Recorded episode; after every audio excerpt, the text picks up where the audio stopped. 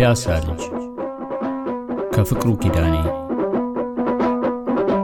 ዘብሔረ ጉለሌ ፒያሳ አዲስ አበባ ሸዋ ኢትዮጵያ አፍሪካ ዓለም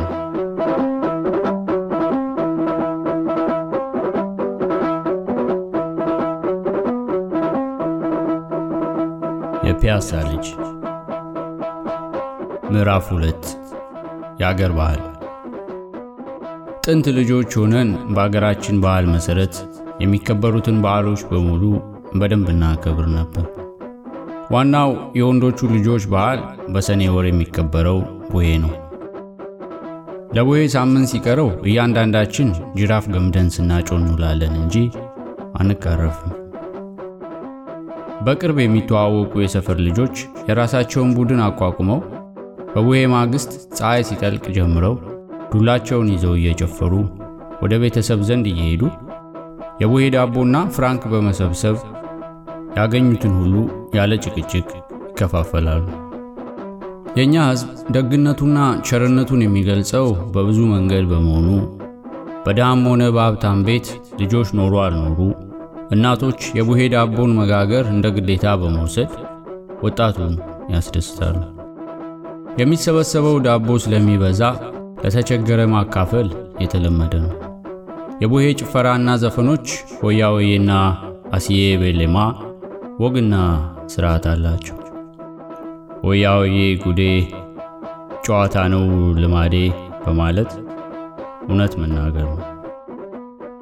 የሴቶች ልጆች በዓል ደግሞ ከእንቁጣጣሽ በዓል ጋር የተያያዘ ነው። ከሜዳ የሚቀጥፉትን አደይ አበባ ይዘው እየዘፈኑ አበባ መስጠት ገንዘብ ያስገኛል። ወንዶችም የተለያዩ የአበባ ስዕሎችን በቀለም በመሳል ለቅርብ ቤተሰብና ለዘመዶቻቸው በማበርከት ሳንቲም ያጠራቅማሉ። ለመጀመሪያ ጊዜ ሸራ ጫማ የገዛሁት በእንቁጣጣሽ ባገኘሁት ብር ነው። ፒያሳ የነበረው አሁን የፈረሰው ኪንግ ጆርጅ ቡና ቤት ገብቼ ኬክና አረንቻታ ገዝቼ የቀመስኩት በዚያ ወቅት መሆኑን አውቃለሁ። በመስቀል በዓል ሁሉም ችቦውን አዘጋጅቶ ወይም ገዝቶ እያንዳንዱ ሰው በአጥር ግቢ ውስጥ ከማቀጣጠሉ በፊት በየሰፈሩ ልክ እንደ ቡሄ ይጨፈራል። ያኔ ጉለሌ ጫካ ስለነበረው የአበባ ዱላ፣ ጅራፍና ችቦ ችግር አልነበረም። ገናን ሁሉም ከቤተሰቡ ጋር የሚያከብር ሲሆን በጥምቀት ሁላችንም የሰፈራችንን ታቦት ዮሐንስን ተከትለን ወደ ጃንዌይ ሜዳ በመሄድ ብርድ እየደፈደፈን እናድራለን። በዚያ ጊዜ ሰዓት እላፊ ስለነበረ ከእኩለ ሌሊት በኋላ መነቃነቅ አይቻልም። ከቤታችን ውጭ የማደር ነፃነት የምናገኘው በጥምቀት በዓል ምክንያት ነው።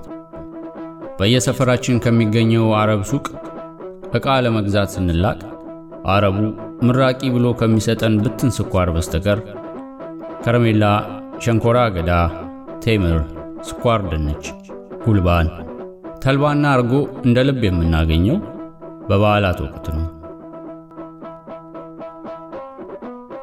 በፋሲካ ትላልቆቹ ስለሚጾሙ እኛም በግድ እንጾማለን። አዲስ አበባ እስከዚህም ሰፊ ስላልነበረች በተለይ ጉለሌ ማታ ማታ በጅብ ትከበባለች። ኤሌክትሪክ ከቤት ውጪ መንገድ ላይ ስለሌለና ብዙዎቹ በኩራዝ በሻማና በማሾ የሚጠቀሙበት ወቅት ስለነበረ ሲጨልም ልጆች እንዳይወጡ ማስፈራሪያው ጅብ እንዳይበላ ነው። እውነትም ጅቦቹ ሲያንቧርቁ ነበር የሚያድሩት። በጾም ወራት የሚቆረጥሙት አጥንት ስለማያገኙ ጅቦቹም ልክ እንደኛ ሳይበሳጩ አይቀሩ። ጅቦቹን በቅርብ ያየሁትና አጥንትን በእጄ የሰጠኋቸው ሐረር ሄጄ ከሚቀልባቸው ሰውዬ ጋር ነው። ጾም ሲፈታ የሰፈሩ ሰው ብር እያዋጣ ሰንጋ ገዝቶ ቅርጫ ሲከፋፈል ማየቱ ደስ ይላል። አሁን የሚገርመኝ ከኔ ጋር ሲሆኑ ኖረው ሁዳዴን እንኳን ይጾሙ ያልነበሩት ጓደኞቼ ገና፣ ሰኔ፣ ፍልሰታ፣ ጋድና ነነዌ ጭምር ጿሚዎች ሆነዋል። ወይ ጉድ! የእኛ ማኅበራዊ ኑሮ የሚያስደንቅ ነው። በየሰፈሩ በነፃ አዋላጅ፣ መድኃኒት ቀማሚ፣ የበሬና የበግ ቆዳ ገፋፊ፣ ለድግስና ለለቅሶ አገልግሎት ሰጪ፣ በየወሩ ጠበል ጠሪ፣ የታመመን ጠያቂ፣ የሞተን ቀባሪ፣ ዕቃ አዋሽና መላሽ ሞልቷል። ቤተሰቤ ለገብርኤል ስለሚደግስ ምን ያህል መቀራረብ፣ መፈቃቀርና መደጋገፍ እንዳለ ለማየት ችያለሁ። ለፋሲካ ቤተ መሄድ የተለመደ ነው። ትላልቆቹ የነፍስ አባታቸውን ፈልገው ኃጢአታቸውን ከተናዘዙ በኋላ ስንት መስገድ እንዳለባቸው ሲነገራቸው፣ እኛ ደግሞ ተሰባስበን አንዱ የሌላውን ኃጢአት እያጋለጠ ስግደቱን ወደ ስፖርት ቀይረን ስንሰግድ ውለን እንገባለን። እግዚአብሔርም አልተቆጣን። በቀን በተወሰነ ሰዓት ብቻ ዜና የሚያስተላልፈው ሬዲዮ ጣቢያችን ለፋሲካ ምሽት ግን የዋሽንት የማሲንቆና የበገና ሙዚቃ ዜማ ያሰማል። እስካሁን የማስታውሰው ግጥም ሆዴ ሁን ዋሻ፣ ሆዴ ሁን ዋሻ የለኝምና መሸሻ የሚለውን ነው። በእኛ ዘመን ልጆች ከአባትና እናታቸው ጋር ወይም ከትላልቆቹ ሰዎች ጋር አብረው መብላት ክልክል ስለነበረ ቅልጥሙና የዶሮ ቆዳ ለእኛ አይደርስም።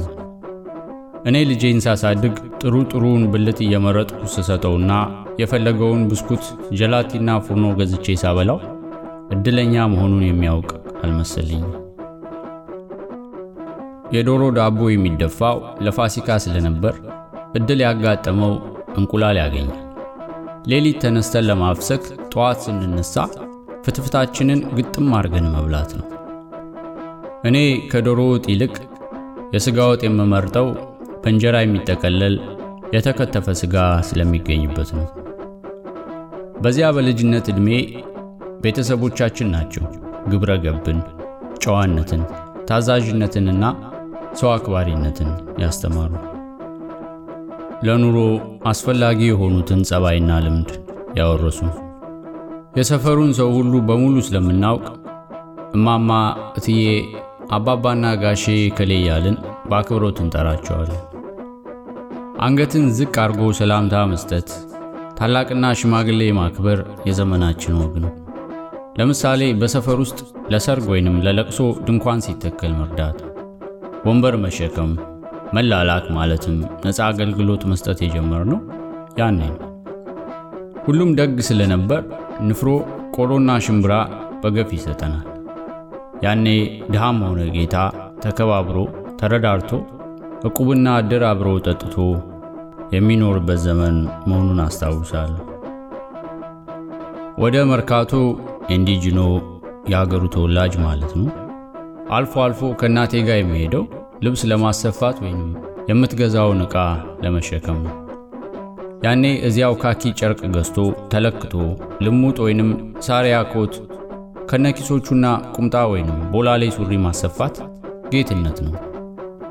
ጫማም ተለክቶ ነበር የሚሰፋው። አባቴ ግን ሰማያዊ ሸሚዞቹንና ሱፍ ልብሱን የሚያሰፋው ክራቫትና ባርኔጣ የሚገዛው ከአርመኖች ሱቅ ነው። የአገራችን ባህል መታወቂያችን፣ መመኪያችንና መኩሪያችን ነው። ወደ ውጭ የተሰደድነውንም ማሰባስቦ ያኖረናል። ከንግሥተ ሳባ ዘመን አንስቶ የኦርቶዶክስና ሌሎችን ሃይማኖቶች አክብረን ዘመን አቆጣጠራችንን ሳንቀይር የራሳችን ፊደልና ቋንቋ እንዲሁም እንደ ላቲን ተመሳሳይ ግዕዝን አስፋፍተን የራሳችንን ልብስና በርኖስ ነድፈን ልዩ ልዩ አይነት ምግቦች አዘጋጅተን መኖሩ ያኮራናል፣ ያስከብረናል። የስዕል አሳሳላችን ልዩ ልዩ ዘፈኖችና ጭፈራዎች፣ ጋሻና ጦሩ፣ በርጩማው፣ ድስትና ምጣዱ፣ እንስራው፣ ስልቻውና ሞሰቡ መታወቂያችን ናቸው። ሁሉም ዘር ተቀላቅሎ ቤት ያፈራውን ተከፋፍሎ በፍቅር መኖር ጸጋ ነው። በረጅም ዘመን ነፃነቷ የምትኮራ አረንጓዴ፣ ቢጫና ቀይ ሰንደቅ ዓላማ የምታውለበልብ አገራችን ኢትዮጵያ ነች። ከዓመታት በኋላ የአስተሳሰብ፣ የአኗኗር፣ የጉርብትና፣ የማኅበራዊ ኑሮ ቁርኝት ተለውጦ ማሾክሾክ ተስፋፍቶ የዘር ልዩነት ተከስቶ እርስ በርስ መፋጀት፣ መገዳደል፣ መናቆር፣ መቀያየም ስር ሰዶ ውቃቤ ቢርቀንም ታሪካችንን ለማንኳሰስ ቢሞክርም ባህላችን ከዘራ ሆና ታራምደናለች። አባትና እናቴ፣ ዘመዶቼ ስለ ራሳቸው እድገት፣ ስለ አያቶቻችን፣ ስለ ቤተ ዘመዱ፣ ስለ ሀገራችን አብራርተው ስላልነገሩኝና ማስታወሻዎች ባለመተዋቸው ጥራዝ ነጠቅ ወሬ በመስማት ብቻ በመቅረቴ ይቆጨኛል። ብዙ ዘመዳሞች ተበታትነው ሳይተዋወቁ ሳይገናኙ እንዲኖሩ ሕይወት ፈርዳባቸዋለች። በአሁኑ ወቅት ዕድሜው 35 የሆነው ሁሉ የእኛን ዘመን ኢትዮጵያን ስለማያውቃት ለማመሳሰል እንዲመቸውና እንደኔ እንዳይቆጨው ቤተ ዘመዶቹ እንዲረዱትና መጽሐፍ በማንበብ የአገራችን ባህልና ታሪክ ጠባቂ እንደሚሆኑ ተስፋ አደርጋለሁ።